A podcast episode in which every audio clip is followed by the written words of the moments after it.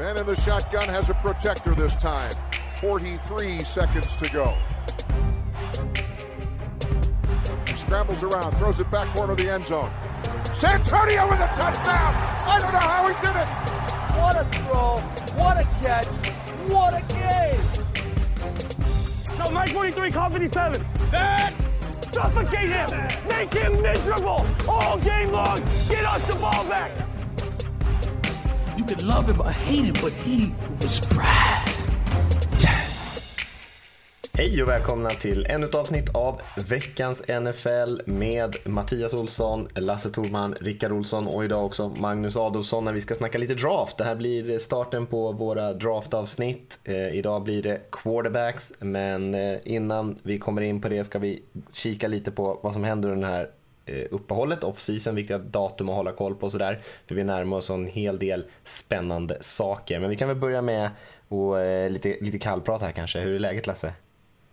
Ja, jag tänkte säga det. Riktigt viktigt nu att du riktar dina frågor när vi är fyra som spelar in här.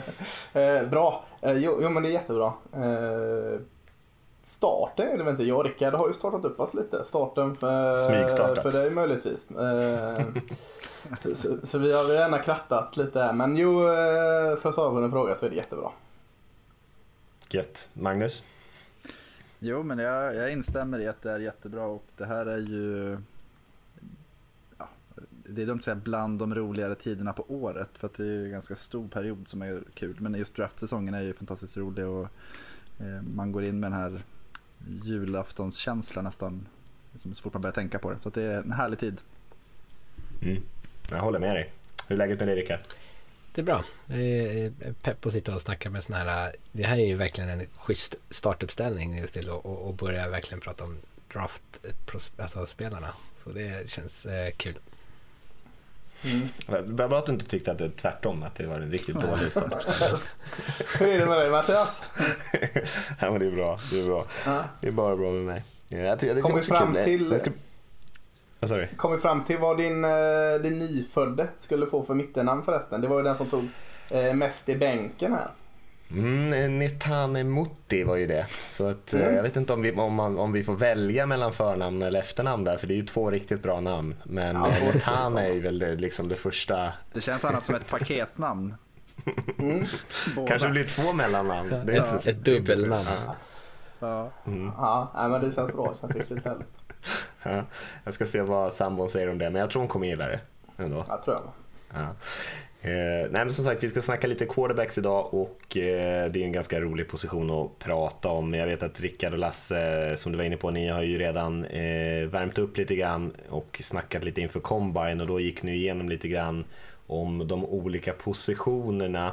Och eh, det finns ju en hel del spännande spelare på den här positionen att prata om. Men innan vi dyker in på det så kan vi väl påminna lite grann om var vi är den här off-seasonen. Nu är det ju den 10 mars och eh, om lite mindre än en vecka, den 16 mars, är det ju eh, det som kallas för legal, legal tampering period i, i NFL då man helt enkelt får börja kontakta Eh, spelare som är free agents runt om i ligan och det pågår ju där under två dagar innan det drar igång på riktigt. Men redan då börjar det läcka spelare vad de har eh, kommit överens om med olika lag och vilka spelare som kommer hamna var och sånt där. Så man kan ju egentligen säga att free agency börjar redan den 16.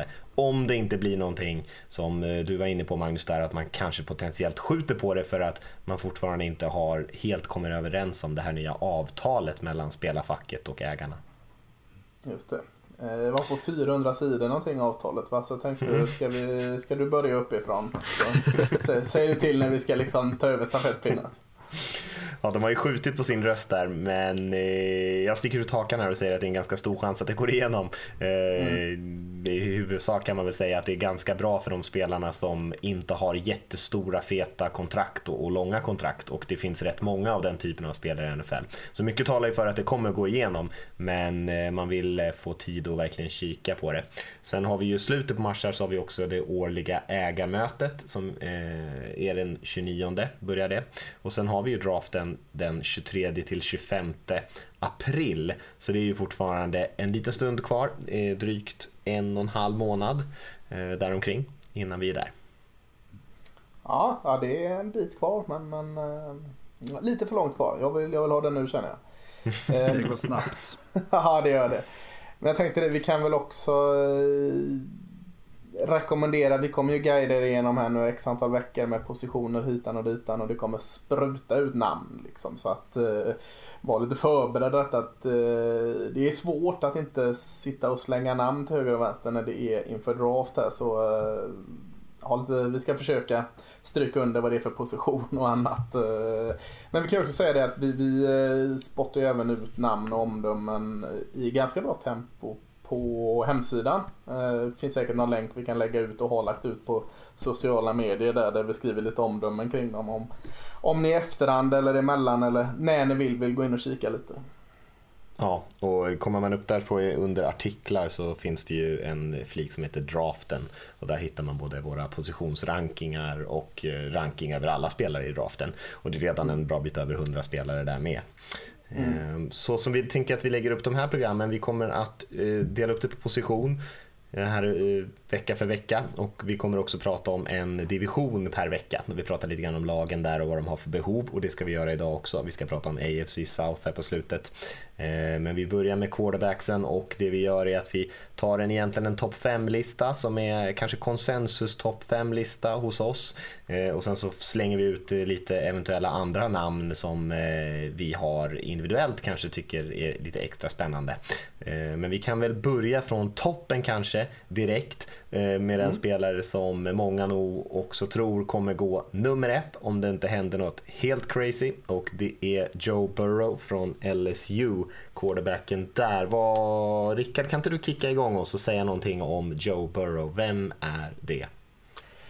Uh, ja, han är alltså ett jättebra prospekt. Du och jag pratade off här om veckan om hur, att man blir lite förvånad när man tittar på honom hur bra han egentligen är. Eh, han är en spelare som rör sig väldigt bra i fickan, eh, uppskattad för att han, har, eh, han är väldigt intelligent, spelar på ett intelligent sätt, han är medveten om hur försvaren försöker ställa till det för honom. Han läser planen snabbt och bra, han gillar att ha många receivers ute på eh, routes eh, samtidigt. Eh, väldigt duktig liksom, eh, vad ska man säga, just på den här mentala biten utav spelet men även samtidigt en, en eh, duktig atlet. Kastar de flesta bollar väldigt bra, väldigt träffsäker. Inte den starkaste armen i världshistorien, men ändå en väldigt bra, väldigt bra spelare. Alltså, han är ju såklart värd att väljas nummer ett. i en diskussion om han eller en eh, Chase Young som är pass rusher, vilken som egentligen, vem som egentligen är bäst i årets draft. Och Burrow är väl egentligen den som, dels är han bäst men också så är han på den mest värdefulla positionen.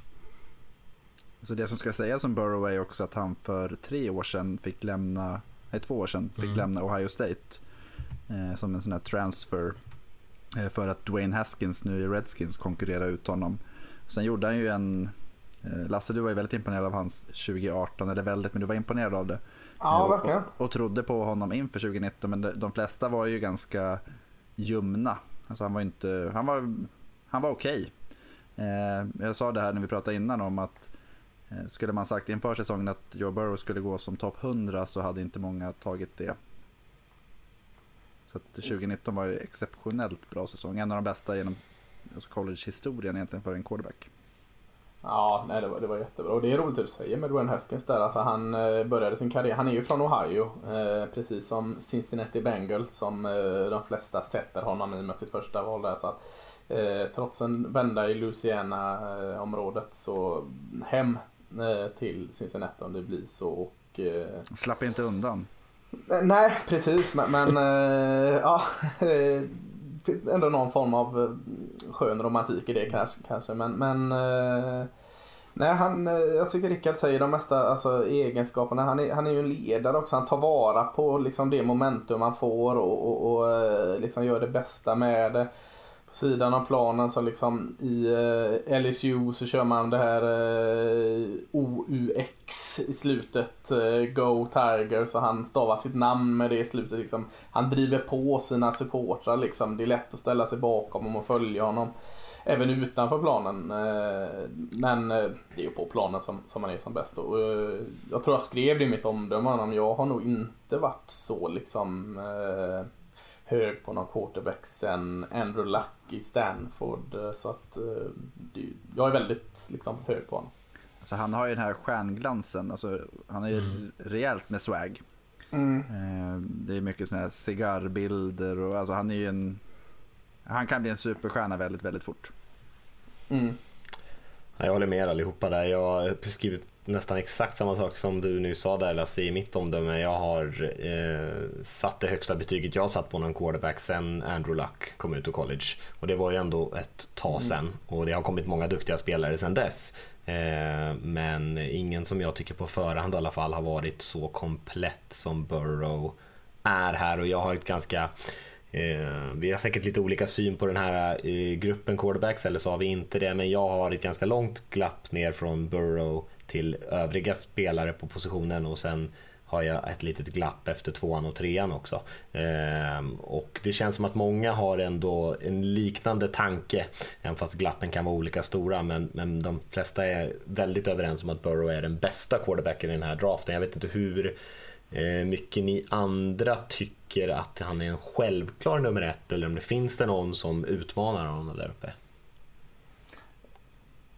Så hade inte vår vän i Alabama skadat sig så tror jag att det hade varit, sett lite annorlunda ut.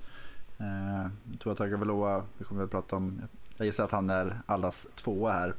Eh, han gjorde pajade höften, var det i november, oktober-november eh, och missade ju sista delen av säsongen. Och, ja.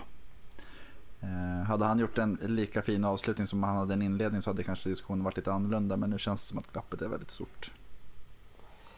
Ja, och det, och det känns lite så här. Jag, jag tycker inte glappet är lika stort. Eh, kanske för lite med eh, lite för mycket kring de här all positivt som kom eh, efter combine. Tagovailoa var ju inte med något liksom, på några övningar men liksom alla läkarna gjorde tummen upp. Eh, bilderna på höften såg jättebra ut. Det är ju ingen skada som man i regel, så vitt jag vet med mina gedigna läkarkunskaper, eh, slår upp igen liksom. Det är ju inte som en eh, jag vet inte, stukning utan eh, är den läkt så är den läkt höften. Säg det till. Dennis Pitt då. Ja. Kommer Lite du annan position. med- Kommer du dragande med jäkla Ravens tight end liksom. Som, eh, ja. Det är hans höft hoppar led tre gånger. Liksom, Vad fan, han Ja. kanske, ska, kanske inte ska ha en höft. nej. Nej. Nej, nej. Nej men, men glappet, är, glappet är det men inte överdrivet stort ändå. Nej. Eh, nej men intressant. Jag, jag, som sagt, en extremt bra spelare tror jag vi alla tycker. Ehm, eh, om man vill se någon riktigt bra match med honom och, och bli lite taggad på Joe Burrow så kan man ju titta in, kolla in den här matchen mot Oklahoma som han spelade. Eh, som var en av de matcherna som jag studerade med honom. Eh, det jag tyckte, ja, en av de bästa matcherna jag sett från en collegegubbe. Eh, oerhört typ imponerande sex på alla möjliga sätt. första, sex touchdowns i första halvleken och sånt där. Ja, något sånt där. Och sjuka kast liksom från alla Ja. möjliga olika situationer. Han verkligen visar upp eh, hela spektrat liksom, vad- om vad han kan. Liksom. Sen har han haft tuffare matcher. Till exempel mot Alabama så fick han ju kämpa lite mer. Eh, kanske jobba lite mer med benen och såna här grejer. Eh, men, eh, men ingenting som man blev orolig för direkt. Ska man dra några stora växlar? Han har haft ett väldigt, väldigt bra samarbete med QB-koordinatorn eller co-offensiva koordinatorn LSU, Joe Brady som nu är i Panthers va? Ja. Japp. Hängde på med Mm. rultåget där. Eh, jag vet inte om man ska dra några större liksom, trådar att de går skilda vägar åt. Det känns som Joe Burrow verkligen är redo att stå på egna ben. Men man kan nämna det i alla fall. Mm. Alltså man, fick, man gav ju honom kritik för att han var så mycket, eller kritik, men han var ju så otroligt mycket bättre det här året än vad han var förra året. Men om man då, lyft, jag lyfte ju att han, att liksom den mentala biten utav spelet var en av hans styrkor och då kom han liksom i mitten, jag vet inte när han, när han transferade, men han kom ju liksom i alla fall all, så pass sent att han inte hann studera in spelboken speciellt som de hade 2018. Så han hade ju inte den här mentala fördelen som är så viktig för honom. Och där, då spelade de ju också ett annat system där de inte hade lika mycket receivers ute och man inte utnyttjade hans styrkor. Är att han läser spelet och identifierar matchups. Så. Men, Kommer han till NFL till något lag så kommer de väl fatta hur de ska använda honom. Ja, det tror jag. Förhoppningsvis. Mm. Vi lämnar Joe Burrow där. Eh, spännande Ja. spelare. Jag tror att han kommer bli en stjärna och jag tror att många av er också håller med om det. Eh, om vi hoppar till den som var tvåan där på vår lista så eh, tror jag att vi i alla fall, om vi skulle rösta om det, får fram Tua Tagovailoa där. Jag Tur att inte han, lyft, tur att inte han lyfte mest i bänken där. Det var svårt att uttala mitternamn. jag trodde jag hade den där. Jag var liksom helt nonchalant. Jag var inte ens orolig. Och så, så sket det sig totalt. I USA så uttalar de ju Tunga Vailoa. Tunga Vailoa, så är det faktiskt ja. ja Med, det, inte, det stavas inte så. Så det är liksom... Ja. Jag säger Tagga Vailoa. Tuva kan man säga också. Tova säger jag. Mm. Tova är enklare ja. Uh, quarterback i Alabama i alla fall där. Vad, vad uh, kan vi säga om honom Magnus, om du ska beskriva honom? Uh, ska man beskriva honom så känns det som en, alltså, jag tänkte säga en ganslingerdvärg på något vis. Att han är ju ganska liten till växten men han har ju en otrolig arm. Alltså det, han är som en blandning av Drew Brees och Russell Wilson. Eh, sen vet jag inte om det är, om man tänker Alabamas, de vapen han har haft kring sig är ju eh, som fyra Formel 1-bilar på receiverposition. Vi kommer att prata mer om, om två av dem senare i, i, i månaden här. Men nej, alltså han har ju en fantastisk arm, fantastisk eh, träffsäkerhet, eh, otroligt bra blick och bedömningsförmåga. Att han hittar ju ofta den som är fri. Han är ju extremt duktig på att sätta bollen i händerna på rätt spelare. Eh, han är, alltså vissa matcher har det ju nästan varit löjligt hur effektiv han är med bollen och det, det tror jag blir väldigt svårt att, att upprepa i, på NFL-nivå. Eh, det kommer inte vara så stor klasskillnad mellan lagen men jag tror ändå att just den här blicken och eh, liksom, farten i armen och rörligheten det, Eh, han är en riktigt häftig spelare. Man tänker Joe Burrow är ju mer en klassisk quarterback medan eh, Tua Tagovailoa är en mer den här moderna, fast han har ändå det här liksom, eh, rock'n'roll spelstilen, alltså Gunslinger-mentaliteten som, som i alla fall jag tycker är fantastiskt rolig att se på.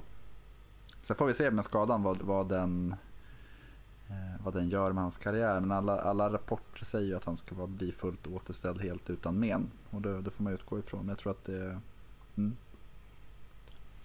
Det är också sjukt att han är eh, spelar QB med vänster hand men ja. egentligen är högerhänt. Jag, jag läste det och bara säger jag förstår inte ens vad det. Vad det betyder knappt. Det är, det är inte möjligt. Varför skulle man göra det? Det låter helt sjukt. Som att jag skulle börja kasta bollar med vänsterhanden. Skriva autografer med högerhanden. Den enda jag tänker på ja. är Blake Bortles. Han är vänsterhänt men kastar med högerhanden. Och ni ser ju hur det gick där, syns honom. det ju. ja, kanske skillnad. det, det kanske blir så för tyvärr. Var länge sedan vi hade en vänsterhänt QB i, NFL. Eh, var mm. det inte det? Jo. Han var såhär Doug Flutie typ. Uh, var det så länge sedan till och med? nej, det tror jag uh, Nej, men det var någon, någon uh, liksom som startade mer än tio matcher i rad så känns det som väldigt länge sedan. Får inte Chris Sims typ vänsterhänt? Ja, det så kan det ha varit. Ah, sorry. Men det, det, känns väl... Nej, det... Det, det, det, det var länge sedan en bra vänsterhänt quarterback. Ja, nej, men precis. Det känns väl som en bagatell i sammanhanget. Men, men det är ju värt att ta upp att han är vänsterhänt. Eh, hur mycket man får anpassa sig. Men det känns inte som det påverkar liksom, hans spel. Eh, han sätter bollarna... Eh, jag tror han skulle satt dem precis där det önskas. Likadant med, med högerhanden. Eh, Magnus sa det mycket av de grejerna som var man. Jag tänker att eh, vi tog upp Joe Burrow som någon form av liksom som eh, eldar på publiken eller på ledarna. Tua är lite annorlunda. Han, han, är kanske lite mer den tysta ledaren men väldigt omtyckt har man förstått alltså av coacher och andra spelare och så. Han är väldigt lätt att följa liksom eh, leading by example säger de väl oftast. Eh, lite den visan också var det. För han, vi pratade om Dwayne Haskins petade Joe Burrow i Ohio State. Det är ju lite tvärtom med Tua Tagovailoa petade ju Jalen Hurts i, i Alabama som egentligen inte hade gjort något fel förutom en halvlek i en finalmatch. Mm. Men det känns liksom som till och med Jalen Hurts slöt upp bakom honom och Tua tog det, gjorde det fantastiskt bra. Så att han är också eh, den här ledaren som, eh, vi ska inte prata ledare i eh, alla positioner varenda avsnitt, men, men när det kommer till quarterback så tycker jag det är en viktig egenskap och noterbart att man kan leda på många, många olika sätt. Men man måste, jag tror det är en stor fördel att ha någon form av ledaregenskap i sig. Han är ju en liten magnet när det kommer till den typen av liksom, djupt religiös kille, extremt lugn och det har ju varit sen Alltså när han kom in i finalen där som freshman eh, så var ju han, han ägde ju scenen direkt. Mm. Och jag tycker att det var en intressant sak. När han skadade sig så har Nick Saban berättat att han Eh, Saban ringde honom efter operationen och skulle försöka trösta och det vart omvänt. Att Saban började gråta och Tua var ju liksom såhär, nej men det kommer bli bra och liksom var den som, som stöttade sin 62-åriga coach. Eh, som har varit med om det mesta i livet. Så det, det är ju, som du säger, han är helt annorlunda från Joe Burrow men de, de har just den här it-faktorn som jag tror, jag kommer ihåg när vi draften när Mariota och Winston kom så var det där ifrågasatte man ledarskapet. Här är det två stycken som har, de har verkligen visat att de är spelare man kan bygga en, som man vill bygga en franchise kring. Mm, precis. Mm. Pratade ju med honom, eh, med Jordan Genmark, Genmark Heath lite grann om Tua, för han känner ju honom lite grann. Eh, och han hade ju, beskrev ju typ samma person som ni beskriver där. Liksom väldigt lugn, chill, inte sådär jätteintresserad av det här flashiga liksom kändislivet. Utan liksom trygg i sig själv och, och, eh, och väldigt liksom eh, stressar inte upp sig så mycket över särskilt mycket saker.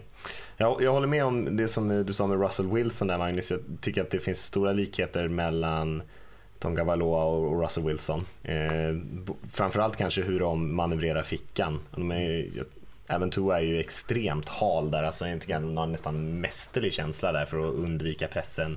Kliva, kliva runt, hitta sätt att komma ut därifrån och hitta liksom nya passalternativ. Sådär. Har ju inte, kanske inte riktigt samma armstyrka som Wilson men han, den här touchen på de djupa kasten, de här regnbågarna som han liksom mm. lobbar upp är ju väldigt imponerande tycker jag. Det är, inte, det är svårt det där. Det är ju lite som när man lär sig basketspelare skjuta straffkast och de inte får tillräckligt mycket luft under bollen säger de. Eh, och man känner så här, det där är väl bara liksom det borde ju vara lätt åtgärdat men, men de flesta quarterbacks de får inte riktigt de här höga lättfångade långa bollarna och jag vet inte om det är en alltså man behöver ha en särskild spin på bollen för att kunna kasta den på det sättet. Men, men eh, Tua tycker jag gör ett riktigt bra jobb med de bollarna. De är väldigt receivervänliga. Mm. Mm. Verkligen. Ja, Har du något att tillägga Rickard? Jag där, där syns det ju det här, nu, jag kan inte komma på en svensk term för anticipation, alltså att man förväntar sig, vad, man lägger bollen där man förväntar sig att ens receiver ska hamna. Men det är ju det han, det är därför han kan kasta lite sådana här mjukare passningar ibland, för att han är, jag tycker att han är väldigt duktig på att lägga den innan de bryter och där han vet att de ska vara. Och han har ju såklart ett visst, eh, en viss tillit till sina fyra stycken första runder receivers som han har spelat med. Men eh, jag tycker att han har en väldigt bra känsla för var han ska lägga bollen. Mm. Spelförståelse, kan inte det vara översättningen? Kanske. Nej, jag vet inte. Men, men Mattias, du som, eh, om du skulle få stryka under vad som gör att ändå det stora glappet mellan eh, Tua och Burrow. Vad känner du liksom om du bara stryker under vad det är? Ja, storleken. Han är, lite, han, är lite kortare, han är lite kortare. Eh, jag tycker inte han har riktigt den här samma armstyrka som Burrow har. Får inte riktigt samma fart i bollen tycker jag när den kommer ut. Eh, det är inte så något fel på hans armstyrka men den är inte en tillgång heller tycker jag. Jag tycker han kan vara lite ruff i kanterna sådär eh, med eh, sättet han spelar på. Eh, han är ju lite off script eh, också för att använda en engelsk term där liksom, utan han är ju lite gunslinger som Magnus var inne på. Kanske försöka hitta sina egna lösningar lite då och då medan Burrow är ju den där spelaren som, som vi beskrev där innan som de droppar bak, ser hela planen eh, och ser var luckorna finns. Eh, Tua är kanske inte riktigt lika skarp på de områdena. Så det skulle jag säga är min kort, i korthet. Det är lite intressant ändå när vi pratar om honom som Gunslinger och Ruffy och sådär. Eh, på 32 matcher, gissa hur många interceptions han har kastat? Kan man gissa på inte många? Jättefå. ja, det kan man Sju? Ja, 11. Ja. Eh, och 87 touchdowns. Det är ganska bra. Men som sagt, han har bra lagkamrater också. Eh, bra Precis. blockering. Eh, det mesta ganska bra. Eh, där i Alabama. Och han är en bra spelare också, det tror jag vi alla är överens om. Men, ja, eh, men det finns en del saker såklart som man kan göra bättre och så är det med nästan alla spelare. Förmodligen så var han topp tre i år. Ja. Förmodligen. Och det är ingen konstigt. Ska man säga, ska man säga ändå liksom, nej precis att eh, det är ett väldigt bra, du kommer undan med en, väl, en eh, potentiellt väldigt bra QB om du tar den som nummer två. Känna så här att ah, jag får nöja mig med andra kuben. Då är det ganska bra att nöja sig med Terry Valois. Och det är i Miami mm. va? Ja. Mm. Mm. Mm. Förhoppningsvis. Det var kul att se. Man kan ju säga att vi har en eh, Big Three här tycker jag i alla fall. Tills någon protesterar säger jag det. Och eh, vi har ju pratat om de två första. Den tredje spelaren i den eh, gänget är väl Justin Herbert, quarterbacken från Oregon. Till skillnad från Tonga Valoa. Eh, en rejäl pjäs. Eh, Lasse, kan inte du ge oss en liten inflygning på, på Herbert? Mm, jag är ju glad i Justin Herbert. Har varit ett tag såklart. Eh, eh tog kanske, valde att stanna sitt eh, Joe Burrow och Tua Tagovailoa är juniorer och Justin Herbert är senior. Han valde väldigt överraskande att stanna kvar och köra till sista år. Eh, Eh, om man kollade på Oregon-matcher förra året så var man blå trött att höra med varför de spelar på hemmaplan och Justin Herbert som växte upp ett stenkast från arenan. Det, det ältades om och om igen där i Eugene, eh, Oregon. Eh, så, så han ville väl stanna och köra rubbet för sin hemuniversitet där. Eh, kanske inte tog det där sista riktiga klivet som jag och säkert många andra hade hoppats och trott på sitt sista år. Men, men eh, trots allt är jag eh, glad i honom. Eh, bra på alla delar i spelet. Kanske inte den här elit i någon del. Eh, vilket såklart är lite oroväckande. Även han är en ledare eh, som får laget att gå bakom sig eh, och tar dem under sina vingar. Bra storlek, eh, bra arm. Eh, känns smart och klok trots att han ibland inte sätter sina pass som man kan tro vara smart och klok. Men overall alltså, så känns han eh, klok. Eh, kanske inte atleten i sig men atletisk nog tycker jag. Det går återigen tillbaka till det här. Bra på det mesta men kanske inte elit på något. Eh, men jag vet inte, jag, jag jag ser honom som en solklart startande QB första dagen i NFL. Eh, kanske lite mer beroende av omgivningen än vad eh, en sån som Tua Tagovailoa och Joe Burrow är. Eh, men eh, nej, jag, jag gillar väldigt mycket, i stort sett det mesta med Herbert. Men jag saknar kanske den där, den där grejen, den där eh, det-faktorn. Ja, jag, ty jag, tycker mm. när jag, kollar, när jag kollar på Herbert så jag blir lite så frustrerad. Eh, dels hur de spelar med honom i Oregon. Att han, han har den där jättearmen så han skulle ju kunna bomba bollen liksom 80 yards ner i plan känns det som ibland.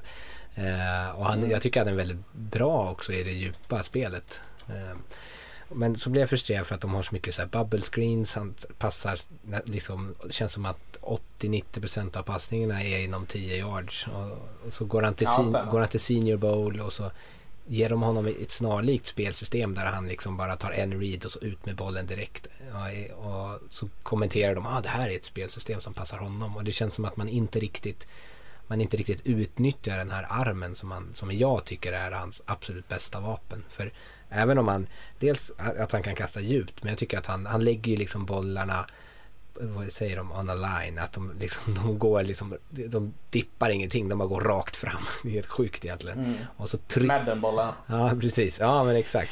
Och så trycker han in dem i tajta fönster. Jag tycker att han är väldigt bra på att placera bollen på ett sätt där han, liksom, mm. försvararen inte ens hinner reagera och inte hinner komma åt den. Så han har ganska få interceptions på, sin, på sitt CV, trots att han ändå är ganska aggressiv.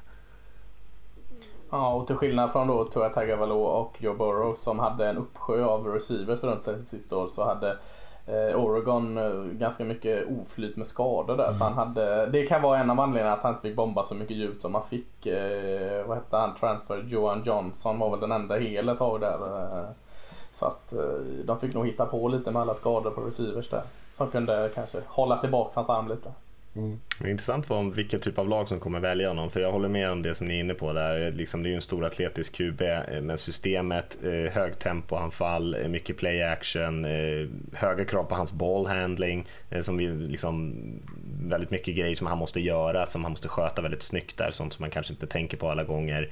Ehm, och, och, samtidigt, de flyttar fickan väldigt mycket i Oregon så, så, att han får lite tydligare reads och sånt där. Och då måste han ju ut ur eh, sin liksom comfort zone där lite grann. Eh, han kanske gillar det i och för sig och det tycker jag han gör väldigt bra. Oavsett om han rullar ut åt vänster eller höger så är han ganska bra på att hitta sin balans och leverera en bra boll. Ja, eh, armstyrkan såklart en av hans stora styrkor. Jag tycker att han eh, spelar riktigt bra när förutsättningarna är bra. Eh, det enkla löser han utan problem. Jag kan tycka att han kan flasha rejält om det är så tydliga reads över mitten och såna grejer. Jag tycker att man hittar lite svagheter hos honom, kanske när han hamnar under press. Eh, ibland i det mentala spelet, han kanske Eh, han kanske ser vad han ska göra men inte riktigt vågar lita på det han ser och det kan ta lite tid innan bollen kommer ut och ibland då så hinner försvararna lite grann emellan. Och så tycker jag att man saknar kanske lite touch på några av de här passningarna, särskilt längst upp, fejdarna längst upp med sidlinjen och den där typen av grejer när han ska droppa den över safeties. Eh, den typen av saker. Eh, men det finns ju extremt mycket att jobba med med Herbert som är liksom den storleken som han har, armstyrkan, den atletiska förmågan, de olika typer av grejer som han ändå varit tvungen att göra i Oregon eh, gör ju ändå att han är ganska förberedd. Men man ser ju fortfarande att han ska hamna, och nu kanske jag gör precis det som Rickard kritiserade från Senior Bowl där, att han ska hamna i någon typ av anfall som har det här lite eh, movement based, ut med QB, play action tungt, eh, inte super liksom West Coast, man måste läsa och få ut bollen accurate på så här korta kast hela tiden eh, och liksom timingbaserat utan kanske lite annan typ av spelsystem. Men jag vet inte, det är kanske för att man inte har sett det och man inte vågar tro att han kan det. Men jag skulle säga högt tak på honom, kanske lite lägre golv än vad man skulle vilja, men eh, kan ju bli hur bra som helst. Mm, jag tycker det är tydligt liksom. Här har du tre bra quarterbacks som serveras i draften. Eh, en hyfsat tydlig etta, hyfsat tydlig tvåa, hyfsat tydlig trea. Eh, tre bra. Mm. Mm. Mm. Jag, hoppade, jag tänkte att Magnus skulle hoppa in där med någonting eh, Nej, jag, jag, jag, bara instämmer. Jag bara instämmer. Jag kallade honom för Christian Hackenberg i början av säsongen. Ja, jag vet. Kom ihåg det. Men efter, det, efter det höjde han sig. Så att, även han har Men det är inte helt... Alltså han har lite av den typen av vibbar. Det är det som jag menar att man kanske blir lite orolig kring hans golv. Han har lite av de där eh, vibbarna. Ibland lite Mike Lennon, lite Josh Rosen. Lite det där när man tänker att här är en spelare som är extremt fysiskt begåvad. Men är han 100% med i det mentala spelet. Ehm, jag tycker inte det finns inte så, man blir inte lika orolig som man blev eh, av de spelarna så småningom när de kom till NFL framförallt. Men eh, det finns ju vissa av de liksom, signalerna där att det är ju det han det, måste jobba mest på i alla fall. Det som var grejen med Herbert inför året var ju att uh, han hade varit som, som sämst när det gällde som mest egentligen. Att i de lägena när han mm. skulle kliva fram och avgöra matcherna eller eh, ta, i, ta ikapp ett underläge. Det var då han vek ner sig och gjorde misstag. Och sen så började var det Auburn de mötte Lasse i första matchen när de torskade med mm. typ 16-9 eller något sånt där. Och sen så hade han någon till lite halvknackig match lite senare och då kände man så här, men vad fan ska du... Ska det inte bli mer? Det var då jag jämförde honom med Hackenberg. Men efter det så höjde han faktiskt upp sitt spel och var väldigt, väldigt bra under stora delar av, framförallt slutet av säsongen. Mm. Mm. mm. Ska vi hoppa då förbi den här uh, topp trean då? då? ja, nu är det ett stort glapp. Ja, nu blir det ett stort glapp här. Uh, för mig så är det Jordan Love som är den fjärde kuben och jag tror vi uh, landar på att det är honom vi dyker in i här från Utah State. En annan sån där kube som en kanske lite mer oslipad variation av Herbert i så fall som har stor storlek, stor och atletisk spelare med en rejäl arm. Eh, quick snatty release där. Eh, tycker han gör många saker bra men han är för mig väldigt inkonsekvent. Han har ju sett att vissa har pratat om honom tidigt upp i den första rundan. Många har honom till och med till Chargers. Jag tror de draftar nummer 6 va? Chargers. Mm. Mm. Eh, vilket är väldigt, väldigt tidigt för mig för Jordan Love. Eh, även fast han har mycket potential i sig. Men jag tycker att han är väldigt inkonsekvent med sin bollplacering och sin accuracy. Även på eh, rutin, enkla kast på bara yards tycker jag han kan missa rejält och eh, ganska slarvig med sin teknik tycker jag också. Eh, kan gå lite långsamt för honom mentalt. Så bland annat matchen mot BYU, han hade två interceptions till deras linebackers. Mm. Eh, så spelare som bara dök upp i hans liksom, line of sight där och det var ju, de var inte osynliga om man säger så. Men han stirrade liksom ner sin receiver där. Eh, gans, även ganska svettig match mot LSU men då var ju Utah State såklart eh, inte riktigt eh, i konkurrenssituation mot LSU. Men, eh, men Love hjälpte inte till i alla fall. Eh, men det man pratar om Love lite grann är att han har gjort eh, bättre säsonger än han gjorde den här sista, 2018 framförallt. Eh, ni kan gå in på det mer där, men mycket hände omkring honom som kanske inte han kunde påverka. Han hade en betydligt sämre säsong här 2019, kastade väldigt mycket interceptions, inte så många touchdowns. Många säger att han kanske försökte göra lite för mycket eh, jämfört med vad laget liksom kunde hjälpa honom med. Eh, men jag kan tänka mig att han kan bli eh, helt, rätt bra om han får bra coachning och hamnar i rätt situation sådär. Eh, han har ju mycket talang. Men jag tycker att det är en long shot för mig. Jag ser ojämnt, slarvigt, oslipat och jag skulle inte våga välja honom i första rundan. Men det är klart det finns, finns saker som han som gör honom spännande om inte annat. Så vi pratade ju om det inför här med att han tappade sin coach Matt Wells till Texas Tech var det ju. Eh, där han fick ta över efter Cliff Kingsbury. Och eh, Jordan Love 2018 var jätte, jättebra. Jordan Love 2019 var mm, ja, lite det du nämner. Eh, och det skulle, jag sa det inför att det skulle varit intressant att se vart Jordan Love och Joe Burrow hade gått om man draftades för ett år sedan. För då tror jag att man hade tagit Jordan Love före. Så att så mm. bra var han 2018. Ja, jag har aldrig varit riktigt eh, så imponerad av Jordan Love. Jag håller helt med om att han var mycket bättre 2018 och eh, kändes väldigt spännande. Men jag tyckte ändå man såg alla de, eh, eller många av de tveksamheter som, som Mattias nämner där. Men helt klart bättre och tryggare i sitt spel var han då. Mycket på grund av, som du säger Magnus, där coachen han hade. Jag vet inte, det är ju en annan Mountain West-QB som jag var tveksam från, från Wyoming, är nu eh, och gör ett hyfsat jobb i Buffalo Bills. Så att eh, jag får lite de här vibbarna och Jordan Love också. Det är en rå produkt med en uh, jättefin arm och, och vad sa du, bra snärt Mattias? Det tycker jag var bra, bra mm. sagt i alla fall. Det, det håller jag med om. Jag kunde inte riktigt få ord på det men bra snärt i kasten har han verkligen. Uh, men ja, det kändes som lite som att det började inte bra 2019 och sen blev det bara nedförsbacke och han ville göra så mycket och det blev bara mer och mer fel. Någon form av snöbollseffekt eller kvicksand eller vad man ska kalla det. Eh, och det har satt sig lite i mig. Alltså att rå potential finns det absolut men det är väldigt mycket att jobba med. Eh, och jag skulle inte alls känna mig trygg att ställa honom på benen eh, första matchen i säsongen nästa år. Inte i Chargers framförallt. Nej, oavsett lag. Alltså, eh, nej, det känns läskigt. Han är, man pratar ju ibland om, eh, om Pat Mahomes när man pratar om Jordan Love bara för att man ser mycket av det som man såg som styrkorna hos Pat Mahomes när han kom ut. Att man, man såg ar, den här baseballarmen som bara kan leverera bollar från egentligen alla typer av vinklar.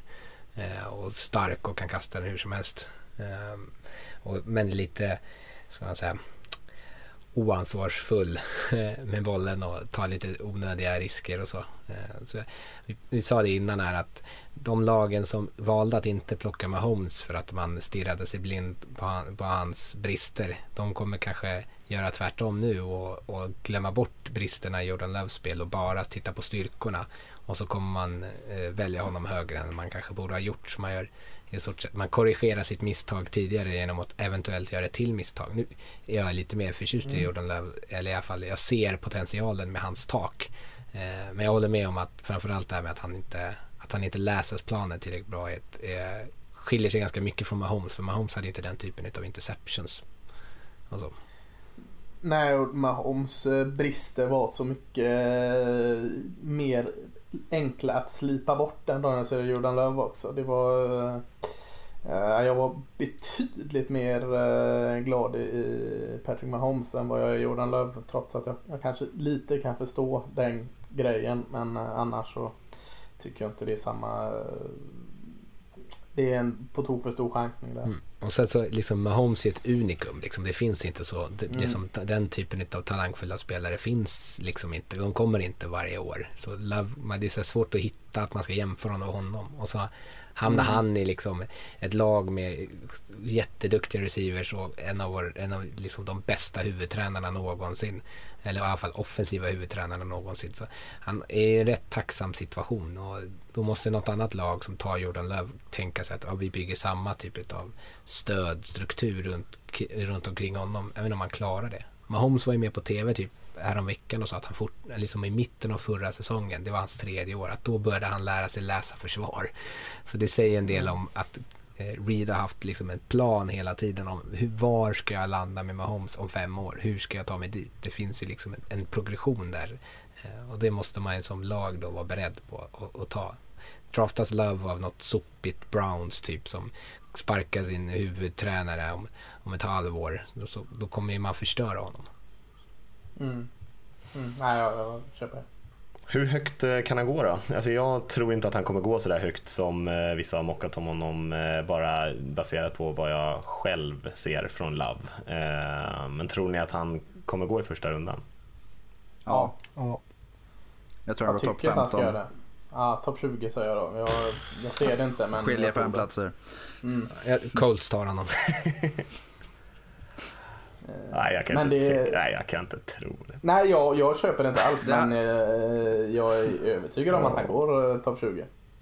Alltså, det är ju så många, ja i och för sig i år är det ju många andra som är, man pratar ju om att det är en övermättad QB-marknad så att det kan ju vara ett, något som gör att han faller men samtidigt så är det ju Även om du plockar in en Rivers eller om du behåller Cam Newton eller vad du nu väljer, Andy Dalton.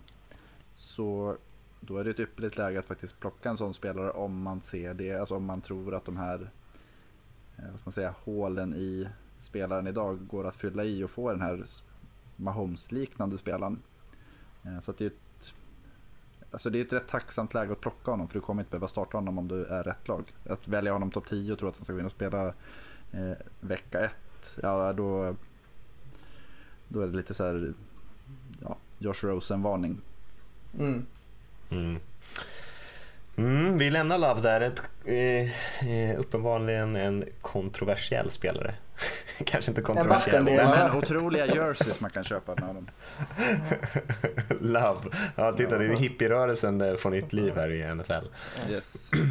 Eh, nej men eh, sista spelaren då, om vi ska ta en femte spelare på vår lista. Eh, vi kan göra en liten snabb nomineringsrunda här men det är, eh, är ju ett par stycken som pratas om där och eh, det är väl kanske framförallt eh, Jake Fromm, eh, Jalen Hurts, vad har vi mer för spelare? Jacob Eason. De tre kanske som är sniffa på den femte platsen. Ja, låter vettigt. Brian Hoyer, Vem- Brooke Osweiler och Eh, Och Tebow. Ja, kanske. Eh, jag, jag, jag faktiskt nominerar eh, Jalen Hurts till vår gemensamma femte plats här. Bra, där är jag Eh, med. Jag Jag håller köper med. det. Ja, yes. Ja, men då så. Han är, fyra, han är fyra på min lista. Han är före Love. Oj. Är det så? Hoppsan. så. Ja, ja, ja, jag gillar inte Det är Love. inte så långt det. emellan för mig heller faktiskt. De är två Love listor, men hurts. det- Ja, snyggt! Oj, oj, oj. Nu, nu är vi igång här. Vad ska man säga om Ja. Jalen Hurts då? Jättemycket, jättesvårt. Jag tycker Rickard får börja. Oj. Nej men jag tyckte nu, eh, det satt, eh, jag, jag vet inte om vi pratade om det på en sändning eller om vi pratade någon annan gång men det du nämnde om liksom hur mycket kan man liksom eh, få ut av hans eh, spel i Oklahoma? Det här, vad har han blivit tillsagd av tränarna att göra och vad gör han själv? Det, det tycker jag var en intressant upplägg du hade där. Så att, om du kommer ihåg det du sa så får du gärna dra det igen. Ja, jag kommer ihåg. Eh, man, Ja. när, man, tittar på honom så, och många gånger så liksom kollar han efter en receiver och så är den receivern inte ledig och istället för att leta några andra reads så bara springer han. Och så, eh, liksom svårt för, för mig utifrån att förstå, är det liksom, är det- gör han det för att han inte har förmågan att läsa planen eller gör han det för att det är det han har blivit tillsagd för att om hans bästa receiver är markerad så är han plötsligt deras bästa vapen. Eh, och han är ju jättebra på att springa bollen och, och varje gång han gör det plockar han ju upp jättemycket yards. Så det känns ju inte konstigt att han gör det. Men det känns, jag skulle ju vilja, som om jag hade varit en, en general manager så vill jag ju gärna se att han kan göra mer än vad han gör. För det blir ju, nu sa Mattias Tim Tebow och det är ju lite, det är en elak eh, jämförelse. Eh, men det är ju lite samma grej. Det var samma grej där. Han kollade efter sin första eh, receiver och ibland gjorde han knappt det. Och sen så valde han att springa istället. Eh, och det känns, det känns svårbedömt. Men jag gillar ju Hurts. Mm. Ja, jag tycker också om honom, men jag tycker det är väldigt intressant det du säger där. Vad, det är ju, och det är ju läskigt, massa frågetecken med en QB som man ska ta. Eh, som förhoppningsvis blir en framtida startspelare. Det är ju det minsta man vill ha. Man, man vill klara han av alla kast? Eh, hur ser han ut under center? Hur ser han ut i mer ett pro-style system? Hur läser han planen? Alltså alla de här frågetecken vill man ju verkligen inte ha kvar på sin antecknings, sitt anteckningsblock eh, när man går in i draften. Eh, det är ju hemskt att ha det, men samtidigt så kan det ju vara guld här liksom. Eh, jag tycker under combine så eh, kan ju lägga bort alla atletiska grejer, det, det visste man att han skulle vara bra på, men eh, klart man står där i eh, spendex och har ingen som flåsar den i nacken, men tyckte alltså kasten såg bra ut där också. Eh, och man kan gå tillbaka till hans tid i Alabama innan han blev petad av Tua Tagovailoa. Eh, så tyckte jag också fortfarande lite av de tendenserna men jag tyckte mer att han, man såg ändå read i honom. Man såg att han hade det i sig. Eh, sen eh, var det väl lite av hans ben som nyttjades där också såklart men eh, Frågetecknen är där och, och, det är just det som jag håller emot Hurts för att eh, säga att han inte kan läsa av plan. Han kan inte eh, nå sin andra och tredje receiver i eh, blicken och tålamod. Det vet vi faktiskt inte. Nej, jag tänker så här, för mig är den här QB-gruppen, om jag ska vara generös och räkna in Love, vilket jag egentligen inte tycker, men jag gör det nu för att vara eh, lite för blidka er här lite grann, så, mm. så är resten av spelarna på quarterback-positionen draftar man inte som starters. Och där inkluderar jag Hurts. Eh, man draftar honom som en eh, backup med, med potential att bli en starter. Mm. Men jag tror inte man kan lita på att den här spelaren är vår framtida starter. Jag tror att det här är en Verkligen. spelare man draftar i kanske tredje rundan, fjärde rundan och det är en chansning med att han kanske utvecklas och blir så pass bra att han kan starta. Men jag tror de som draftar de här spelarna kommer inte riktigt tänka så tror jag. I alla fall inte det jag ser. För det som ni säger, det finns så mycket frågetecken. Eh, och jag har hemliga lådan han... är det ju lite liksom. Det är så här, ja, det är... Eh, vad får du i hemliga lådan? När vågar man välja hemliga lådan? Före V70 och före resan till Teneriffa liksom. Ska jag ta hemliga lådan? Vad är det där? kaffe ett år. Ja, kaffe ett år eller liksom, vad är det? Ett det han, han är ju den här draftens eh, liksom, hemliga låda. Ja, nej men jag håller helt med er vad ni sa där. Jag skrev att han var en frenetisk dual threat QB med medioker armstyrka som har spelat i ett enkelt system med låg svårighetsgrad på passningarna och enkla reads. Ja, ehm, och det, det, är ju inte så här, det är ju inte bara för att såga honom utan det är ju lite så det är. Han är ju liksom inte Eh, han är ju inte, liksom, fysiskt är han ju begåvad på det sättet att han är väldigt atletisk, men han har ju inte någon rejäl storlek och inte någon bombraketarm heller. Utan eh, han är ju en kille som flyttar eh, kedjorna på sitt eget sätt. Eh, mycket vilja, det är kanske lite därifrån de här Tim Tebow-grejerna kommer ifrån. Spelar med mycket hjärta, gör det som krävs, vinner matcher, eh, flyttar bollen. Eh, men liksom hur funkar det på nästa nivå? Ingen vet skulle jag säga. Proffs är han ju. Ett UB-proffs var han redan liksom, eh, i Oklahoma. Eh, ännu en tydlig ledare liksom. Han är 38, 38-4 som starter. Och just, mm. just, när du pratar om vad han är bra på, det känns ju som en sån här situationsspelare som man vill slänga in i ett läge där men fan, nu måste vi ju göra någonting. Däremot mm. så kanske man inte, det är svårt att bygga ett system kring honom. Mm. Mm. Ska vi säga någonting om de andra två spelarna om vi lämnar eh, Hurts där. Eh, Jacob Eason kan vi ju nämna, en jätte som har spelat för Washington. Eh, jag skrev att han var stor och lite klumpfotad. Eh, ja har ju eh, spelat i ett ganska eh, avancerat system jämfört kanske med Hurts. Eh, Pro-style, spelat under center, de har kört en del options, spelat shotgun, gjort lite allt möjligt där egentligen. Men jag skulle säga att för Ison så går allting lite långsamt. Eh, readsen går lite långsamt, releasen av bollen är lite långsam, kaströrelsen är lite långsamt och även hans accuracy lite upp och ner. Eh, det är klart att han är en stor spelare med eh, en ganska rejäl arm. Jag tycker inte att han har riktigt den där eh, naturliga spinnen på bollen. Men, men det är klart att han har ju en, en, en hyfsad arm, det har han definitivt. Och, men han är ju fullständigt orörlig Eh, i fickan eh, och kommer ju inte kunna liksom fly undan någon press och sånt där. Eh, jag ser framförallt en backup där. Jag vet inte, jag var ganska tuff här men jag vet inte om ni har någon annan syn på honom. Ja. Alltså, jag, jag tycker det är ju draftens Jay Cutler där alltså. Eh, ser helt frånvarande ut ibland, nästan lite ointresserad ut. Eh, jag vet inte om det är att han är så förbaskat lugn men, men liksom, inte till hans fördel. Tröga fötter som du säger och sirap i fickan liksom har ju egen, alltså de här, skulle han få stå i ficka och, och bomba ut i lugn och ro så, så, ser det ju bättre ut. För han, som du säger, är stor och lång och, och jag tycker han har en bra arm. Eh, eh, helt okej okay träffbild, eh, men det går så trögt. Det som du säger, du stryker under det, det är ju det emot honom. Vet inte om det sitter i psyket, han har studsat runt en hel del, haft lite motgångar i college. Jag vet inte om, om hur mycket sånt som kan spela in. Kanske sitter i hårsvallet. Ja. Nej, men, när, när man ser honom så känns det, alltså jag som Ravens-fan har ju sett en hel del dåliga Joe Flacco-matcher. Och, alltså det är lite de vibbarna man får som en dålig mm. Joe Flacco. En blandning av Flacco och Cutler. Ja, eller Brock Osweiler. man tänker också, man ser honom så tänker man så här, fan vad tuff han står i fickan och tar de här smällarna. Alltså, fast det är hans eget fel för att han inte kasta, kasta bort bollen, flytta på det, vad fan gör du? Men, eh, men han är ändå tuff, det ska man ge honom. Ja, den är photoshoppad väl den. Det kanske, kanske inte ens är photoshoppad men när Jay Cutler har en cigg hängande i munnen. Det är, det är min bild på Jacob Eason. Han står i fickan och, och röker en cigg liksom. Så, så känns han. Rickard, du lät lite som matadoren i Tjuren Ferdinand där.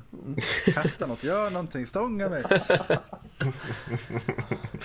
Vi ska eh, runda av med From här då, eh, quarterbacken från Georgia. Kan man säga lite grann att han är motsatsen kanske nästan lite grann till Eason. Eh, lite mindre i storlek, eh, erfaren, effektiv. Eh, den kvicka releasen är ganska slipad så, men han saknar ju de här uh, imponerande atletiska dragen. Både eh, Eh, den atletiska förmågan att springa runt och, och fly pressen och plocka upp yards, men även andra fysiska attribut. Har ingen jättestor arm heller, men just med beslutsfattande, accuracy, ah, accuracy kanske varit lite upp och ner, men eh, ändå på de här, eh, liksom, bara den här game manager-typen så är han ju ändå relativt slipad men frågan är hur bra kan han bli? Kan han ens bli tillräckligt bra för att starta i NFL? Är hans tak än så högt? Det går att diskutera tycker jag. Han känns lite som eh, vad heter han, USC-quarterbacken som Browns draftade för tre år sedan. Vet han? Uh, tänker inte på AJ McCarron som jag tänkte nej, på. Jag nej, jag tänker på... Uh, Bentley. Alabama. Nej, nej, nej. USC-QB. Ja, som gick till... Går igenom alla Matt Lane, Matt Kessel. Uh... Barkley. det var ju Barkley. Jacksons val. Fast, Vad heter han? Kaiser? Nej. Nej, han var något Sen, Dame. Uh, ja, i samma veva där. Inte sen Darnold heller. Han gick ju till Jets. Fan vad... Uh, För hur länge sedan var det här egentligen? Joe Jackson, ja, vad är det? Tre år sedan? Joe Nej, Jackson. tre år sedan valde de Kaiser. Eller var det, var tre år sedan valde de Kaiser. Ja. Vi ska se. Ja, jag kan prata om, om From medan du googlar här. Ja, eh, han är Kessler. Ja, Cody Kessler, mm. just det. Eh, tråkig. Eh, ja, men From är jättebra, eh, eller jättebra, bra när du ska liksom leverera bollen mellan 5 och 12 yards. Ja. Sen klarar han inte så mycket mer liksom. Eh, ingenting han gör imponerar så det är jättemycket. Han är begränsad i sitt spel med fötterna och som du säger kan kontrollera en match helt okej okay, liksom med sin eh, fotbolls-IQ men känns inte som man kan äga matchen. så att, ja, smart QB men, men ja, så dum. Då ska de vara jäkligt mycket korkade de andra QB-arna för att han ska liksom ta platser på grund av eh, sin fotbolls-IQ. Många av de här är ganska eh, smarta på vad de ser och gör på fotbollsplan. Mm. Kanske inte finns någon anledning att stanna så mycket mer på From där. Ehm, som sagt, det är väl ingen av oss som har något jättebetyg på de här eh, i slutet här då. Så vi kanske ska lämna quarterback-positionen och jag tror det vi enades om var väl eh, Joe Burrow nummer ett, eh, Tua Tonga nummer två, eh, Justin Herbert nummer tre, Jordan Love nummer fyra och Jalen Hurts nummer fem då. Det var vår gemensamma ranking där. Eh, och vi sa att vi skulle prata om lite AFC South och då tycker jag ändå att vi ska göra det. Vi har ju delat upp det lite där så vi har varsitt lag, ska ge en liten kort överblick över hur det ser ut. Ska jag kicka igång oss tycker ni? Det tycker jag absolut. Ja. Eh, jag har ju Jacksonville Jaguars där. De har ju eh, ganska mycket kapital för de har ju två val i första rundan. Fick ett från Rams i den här Jalen Ramsey-traden vill jag säga. Så de har ju både nummer 9 och nummer 20 i första rundan. Ehm, har ju däremot en hel del svagheter också, både defensiva och offensiva linjen kanske framför allt. De slog ju lite homerun med Josh Allen, pass rushen, förra eh, draften. Ehm, och eh, sen är det väl lite vänta och se på eh, deras val i andra rundan där offensiva attacken Jawan Taylor som eh, startade hela sin första säsong och eh, spelade väl helt okej. Okay. Det är väl inte solklart än om det var ett bra eller inte bra val. Men eh, eh, det finns ingen anledning än att börja tänka på att man ska hitta en ersättare för honom i alla fall. Eh, men insidan av offensiva linjen Eh, och sen så gäller det ju att man, deras left tackle kan hålla sig lite frisk där, Cameron Robinson också. Men eh, det verkar ju som att man kommer släppa en hel del försvar. Marcel Darius bland annat på den defensiva linjen. Det är lite oklart vad som kommer hända med Yannick Ngakwe, deras pass rusher och även Calais Campbell där på defensiva linjen. Så där tror jag att man kommer behöva fylla på. Och sen så handlar det lite grann om man tror på Gardner Minshew på quarterback-positionen är ju såklart en stor fråga för organisationen. Eh, och sen utöver det så är det väl kanske bakom sina defensive backs som man behöver hitta. Eh, kanske framförallt på cornerback-positionen skulle behöva förstärka lite grann. Ehm, jag är inte riktigt lika djupt in i min scouting av årets draftklass här som ni andra, så ni kan ju fylla på lite grann. Men jag tänker mig att med nummer 9 så tänker jag mig ändå att man kommer landa någonstans på en defensive tackle. Eh, Kinlaw tänkte jag på, eh, om han finns kvar där. Oerhört. Eh, ja, det gör han garanterat. Jag hoppas det är inte Lasses favorit. Nej. Ja, det är inte det. Nej. Gigantisk. Derek Brown skulle kunna vara kvar. Ja, Derek Brown ja, han kanske. kan vara Ta han direkt. Ja, det kanske skulle vara första valet om båda de två spelarna Corner är de ju intresserade av. De har ju skeppat iväg en del där. Där finns nog eh, alla utan Nokoda kvar. Alltså Fulton, Henderson, Gladney eh, borde finnas där. Mm. Jag tror att man kan hitta en av dem. Jag tror att de kan hitta dem, någon av dem redan på nummer 20, Fulton, ja, Henderson. Det, ja, det väntat Diggs till och med om de gillar honom. Ja, jag tror två av dem är borta då. Receiver hade ja, jag kunnat kanske. tänka mig. Mm. Ja, på nummer 9 nu. Och... Mm, på nummer 9. Ja, nej, jag tycker att de receiver är en av deras bättre positioner just nu. Um, I alla fall så här när det finns en så djup receivergrupp. Så har i alla fall jag tänkt. Um, men i andra rundan ser jag kanske att man siktar på någon uh, uh, guard eller något sånt där liknande. Vi pratade ju om Mutti nyss här. Eh, spelare som kanske finns där, alternativt om de hittar någon pass rusher. Den tredje blir det väl lite samma där, eh, den position som de inte har fyllt om man inte hittar någon spännande linebacker, men där har jag inget riktigt eh, alternativ på vad de skulle kunna vara ute efter. Mm, nej men det, det känns vettigt. Jag, uh, interior D-line och corner uh, siktar in sig på att lösa de två i första, därför inte bra mm. väder. Uh, ja. Om man nu inte är helt säker på att man inte gillar Minshew, för då måste man göra någonting åt det. Men eh, ja. Jag tror inte att man kommer chansa på typ Love på nummer 9 för det. Ja, det är viktigt för dem att välja bra, bra draften för det är väl inga som vill komma till Jacksonville Jaguars med hur de har hanterat saker eh, på Free Agency. Så att, eh, Eller eventuell de... flytt. Ja, precis. Kanske sitter med tredje val i första rundan här snart. Ja, ja. De vill ju ha det för, eh, för Ngakwe. Mm. Eh, ja. Men det lär, väl inte de, lär de inte få, men eh, vi får se. Mm. Det är ett svårt läge ändå när man har... Alltså, hur skulle ni göra? Skulle ni välja att satsa på Gardner Minshew? Det är ju inte så att de... Ja. Eh, Dog Marone har... Foles är kvar fortfarande också? Ja, eller de... nej, det ryktas som att han ska till Eagles igen. De ah, nej men alltså Marone, han får inte, det är inte att han har sju år kvar på sig att bygga. Det är inte John Gruden. Det lär ju hända någonting då. Hade man lagt det i Gardner Minshews George-fickor. Sitt öde. Jag vet inte. Alltså objektivt så är de ju inte riktigt redo än så drafta en QB så det känns ju liksom nej, så nej, meningslöst. Nej, mycket hål. Då är det bättre att bomba helt och, men det är ju kanske inte så Marone tänker. Men, eh, nej men det är det jag menar, det är en speciell situation att han har inte råd att gå 3-13 liksom. Nej. Men han kommer inte gå mycket bättre även om han hittar en jättebra QB för att resten av laget är så jävla dåligt. Ja.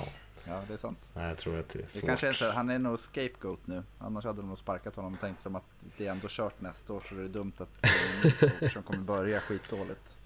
Ja, det är Jag går tänker all att det- in alltså och tradar upp. Eh, De har ju två val i första. De kan liksom bränna framtiden för att nå upp och ta eh, någon av Tua och Burrow där. Eh, Washington lär lyssna. Gud, vilket, ö, lyssna. vilket öde. Ja, men eh, det ska vara det då.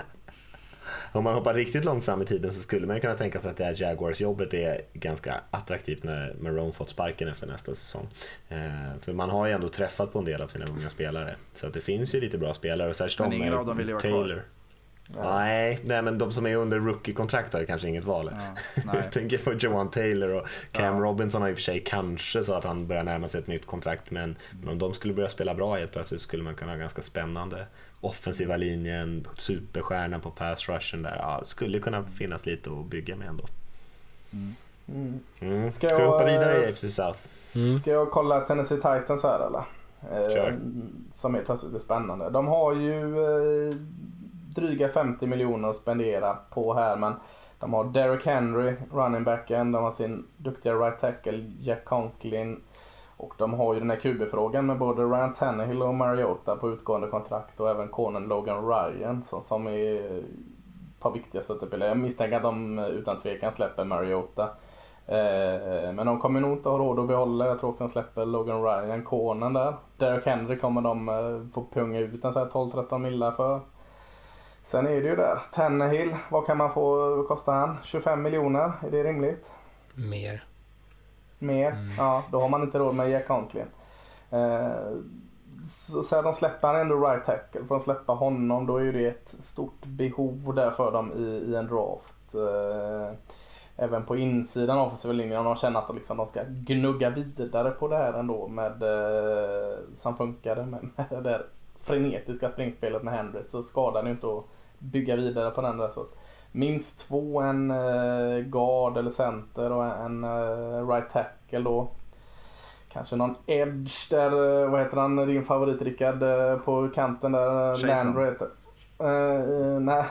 nej, jag tänker i Ja. Titans nu, Landry. Harold Landry där eh, på ena sidan skulle vara gott att ha någon på andra där kanske.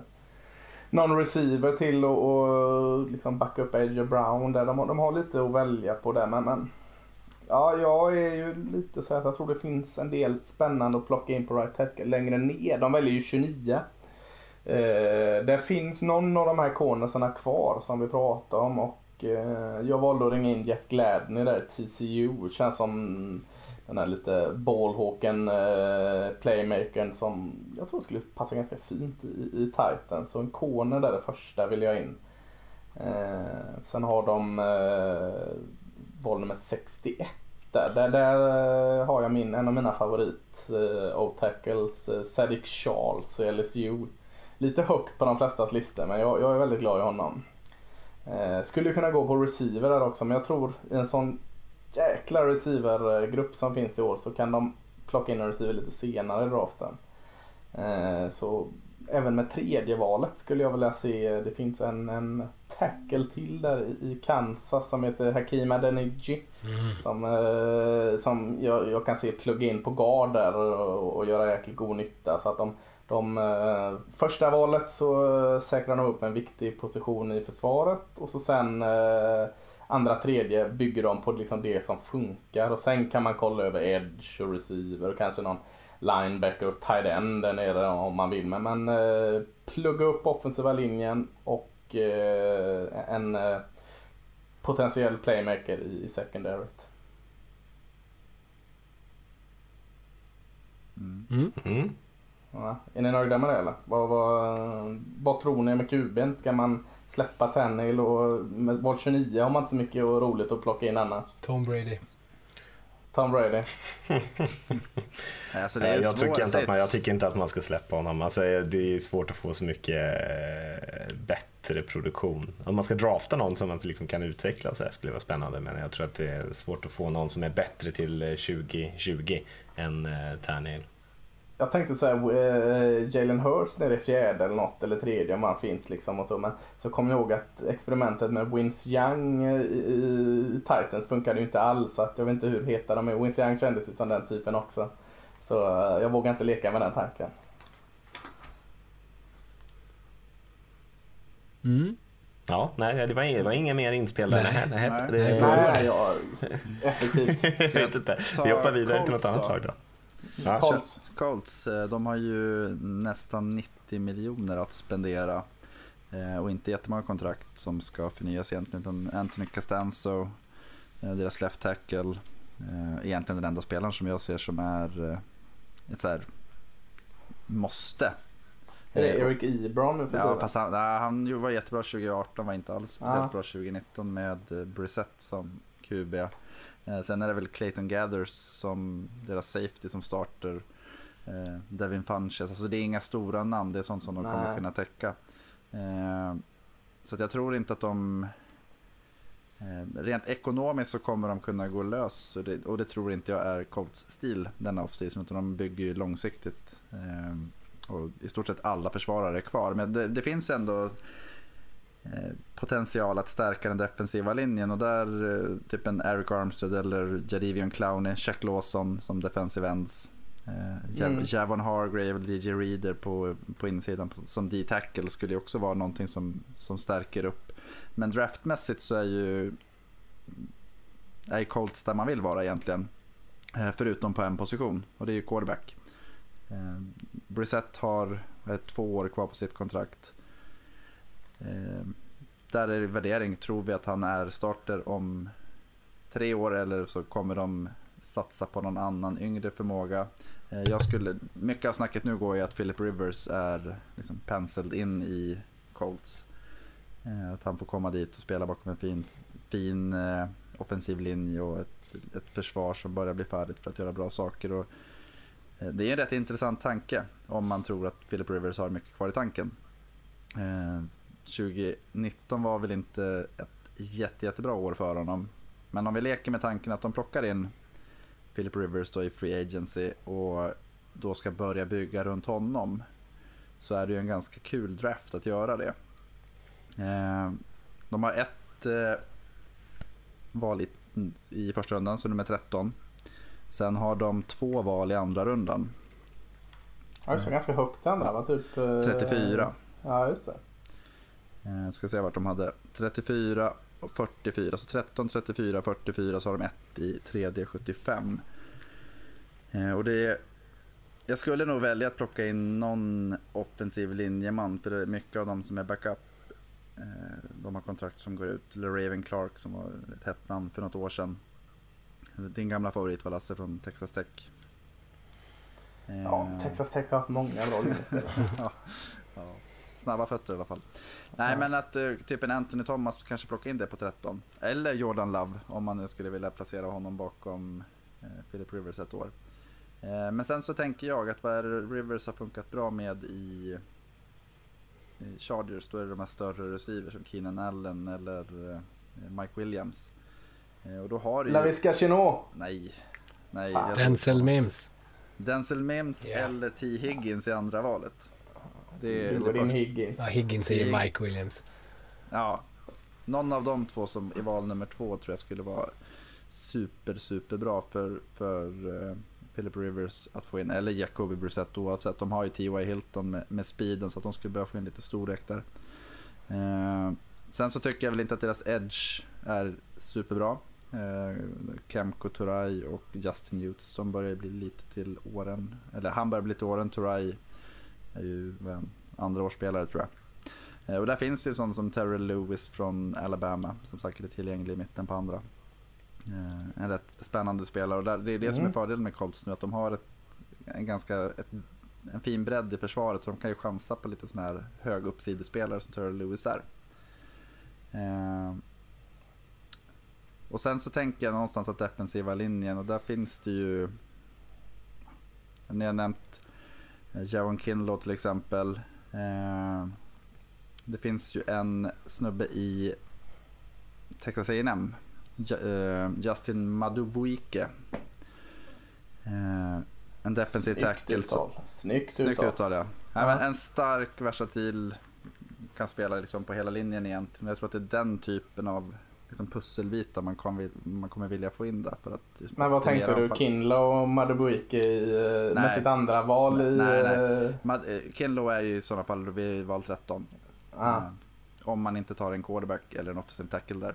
Eh, Men leker vi med tanken att man inte tar defensive tackle i första rundan utan i andra så är det ju där man plockar Madubuiki. Ja, just det. Ja, men det kan jag säga. Så att i andra rundan Mims, Higgins eller Madubuiki. Eh, vet han, Oklahomas Neville Gallimore finns ju förmodligen också där i andra rundan som en sån spelare. Han borde finnas i sjunde. Nej, ja, nej men det, det är ju egentligen, man tänker, de, det de vill ha är ju så här pass rush eh, på insidan lite. Och där tror jag att den, alltså Kinlaw, det är ju, jag tycker att han är jättespännande. Mm. För att det är det han, eh, det är där han kommer bidra mest. Eh, Skulle Derek Brown falla i första skulle det också vara ett eh, s- super eh, förvärv för Colts också. Men att det är som sagt ett intressant lag med, får de in Philip Rivers så, och han har något kvar i tanken så tror jag att de kan vara ett av de absolut farligaste lagen. För de har ju både cap space att fylla på med kvalitativa spelare i FA och sen har de bra draftval rätt högt. Tre stycken topp verkligen. 50. Ja, nej, men det tror jag är fan intressant. då. Börjar få ordning på den här jäkla linjen nu också. Mm, verkligen. Jag spelade Madden häromdagen, då blev jag säkrad av Kinlaw. Jag, jag hade ju ingen aning om vem han var. Jag hade ju liksom inte kollat på Kinlaw någonting. Men han är ju gigantisk även i, i Madden kan jag, kan jag hälsa. Bara, Vad fan är det här för jävla... Eh, jag trodde inte de gjorde liksom så mycket skillnader på spelarna men han var verkligen mycket större än alla andra. Eh, Rickard, vi hoppar över till eh, sista laget i AFC South. Ja, Texans då. då. Eh, De tappar nu, de har inte lika mycket löneutrymme som eh, Eh, Titans. Men de tappar eh, DJ Reader, de tappar running back Lamar Miller, running back Carlos Hyde. eh, Eller i alla fall som har utgående kontrakt då. Cornerback Bradley Roby bland annat. Eh, och de, framförallt så vad de behöver göra är ju att stärka sitt secondary, sitt passförsvar. Eh, De kan behöva föryngra sig lite på den defensiva linjen. De behöver en ny running back. Eh, jag tycker fortfarande att de kan eh, investera i sin offensiva linje som de eh, visserligen har lagt väldigt mycket draftval och så på. Men eh, även där tycker jag att de fortfarande kan bli bättre. De har ganska bra wide receivers, kan behöva lite djup där kanske. De, de, nu förlängde de med sin ena med tight End. Eh, tappade jag namnet på honom bara för det. Eh, Darren Fells, eller? Ja, precis. Darren Fells. Och sen så valde de ju Kahale Waring förra året som jag, som jag tyckte jag var helt förtjust i. Så de kanske ändå känner att de har någonting där. Jag tycker inte att det är ett behov i alla fall att lägga för mycket fokus på. Ehm, så jag vet inte vad, i Free Agency, de kommer inte vara så jättestora aktörer där. Ehm, så det mesta kommer väl handla om att få in spelare via draften och, och då har de inte supermycket val. De har sena val, de har ju tradat bort mycket av sina så de har ett sent val i andra rundan och sen har de två relativt sena val i fjärde rundan eh, som sina tre första. Eh, Ja, fy fan. Ja, så det blir svårt att göra så jätte, jättemycket.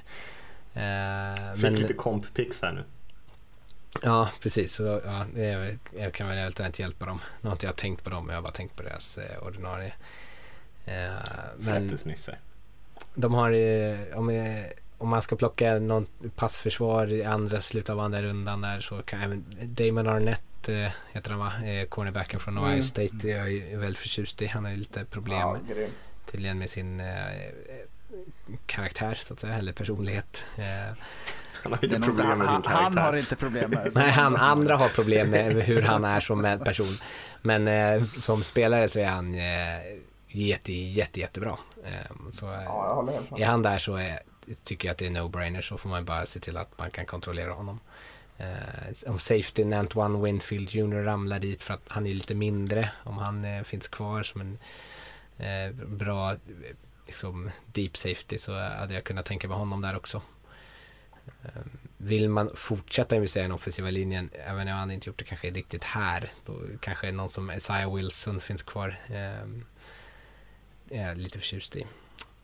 Mm. Eh, I fjärde rundan då om de ska plocka någon där, om de ska lite pass rush till exempel så kanske man får plocka någon av de här spelarna med lite, som är lite av projekt eh, som kan vara en backup och eventuellt bli någonting i framtiden. Då hade jag tagit kanske någon som Alex Highsmith, jag kommer inte ens ihåg vilken skola han är på, men han såg bra ut. Charlotte. Charlotte är det väl, alltså småskola. Men han såg ganska bra ut. Jag tyckte, inte, jag tycker inte att hans film är vidare imponerande, men jag tyckte att han imponerade på combine. Han kändes ganska mjuk sådär i kroppen. Eh, Mm. Kenny Willekes från eh, Michigan State. Eh, eventuellt någon sån Ja, här det. killspelare med hög motor som man kanske kan hoppas att han kan utvecklas. Daryl Taylor är också sån här spelare som bara har åtminstone det fysiska potentialet.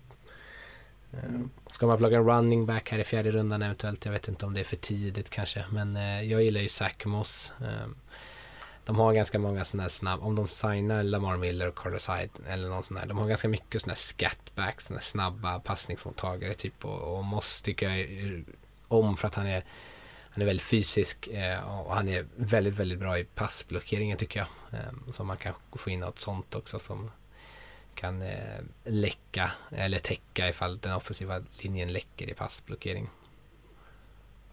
Ja, nej, jag tycker det var spännande. Spännande mm. draft med så dåliga förutsättningar. Mm. ja, så går det lite grann när coachen eh, tradar bort alla draftval Precis. för eh, roliga spelare han kan använda en säsong. Ja, det är inte den där draftpirren om du hejar på Houston Texans så får vi sitta igenom. Ja, de har ju ett i andra i sig. Sen får du sitta halva jäkla dag tre där och uh, vänta in. Ja, fy fasiken. Ja, de har fick första comp, compensatory picksen kom precis. De har det tidigaste comp-picket där på nummer 97. Men eh, det, det hjälper ju inte jättemycket tidigt i draften där. Nej. Man får ju ingenting för en tredje runda. Och på tal om de comp-picksen så är eh, The Draft Networks mock draft simulator uppdaterad så att de är med där. Mm. Ja, bra. Perfekt. bra Äntligen. Äntligen. Vad händer? Ska de lägga in ja, trade-scenario då? Nu ska vi runda av den här podden för nu har den blivit ganska så lång. Ja. Eh, vi får väl se, vi kommer tillbaka nästa vecka och då är det ju någon annan position, det är någon annan division och eh, förhoppningsvis eh, så blir det lika skoj då. Det var kul att snacka lite quarterbacks tycker jag. Vi kommer väl gå, rotera lite grann vilka som är med i de här draftpoddarna. Eh, mm.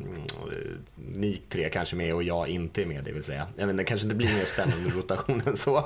Men vi får se lite grann hur vi lägger upp det. Men eh, om ni vill skicka in några frågor så kan ni göra det. Eh, podcast.nflsupporter.se kan ni mejla in om ni har några draftrelaterade frågor. Eh, eller bara skriva till oss på sociala medier. Men eh, annars säger vi nog så och rundar av så hörs vi nästa vecka. Det gör vi.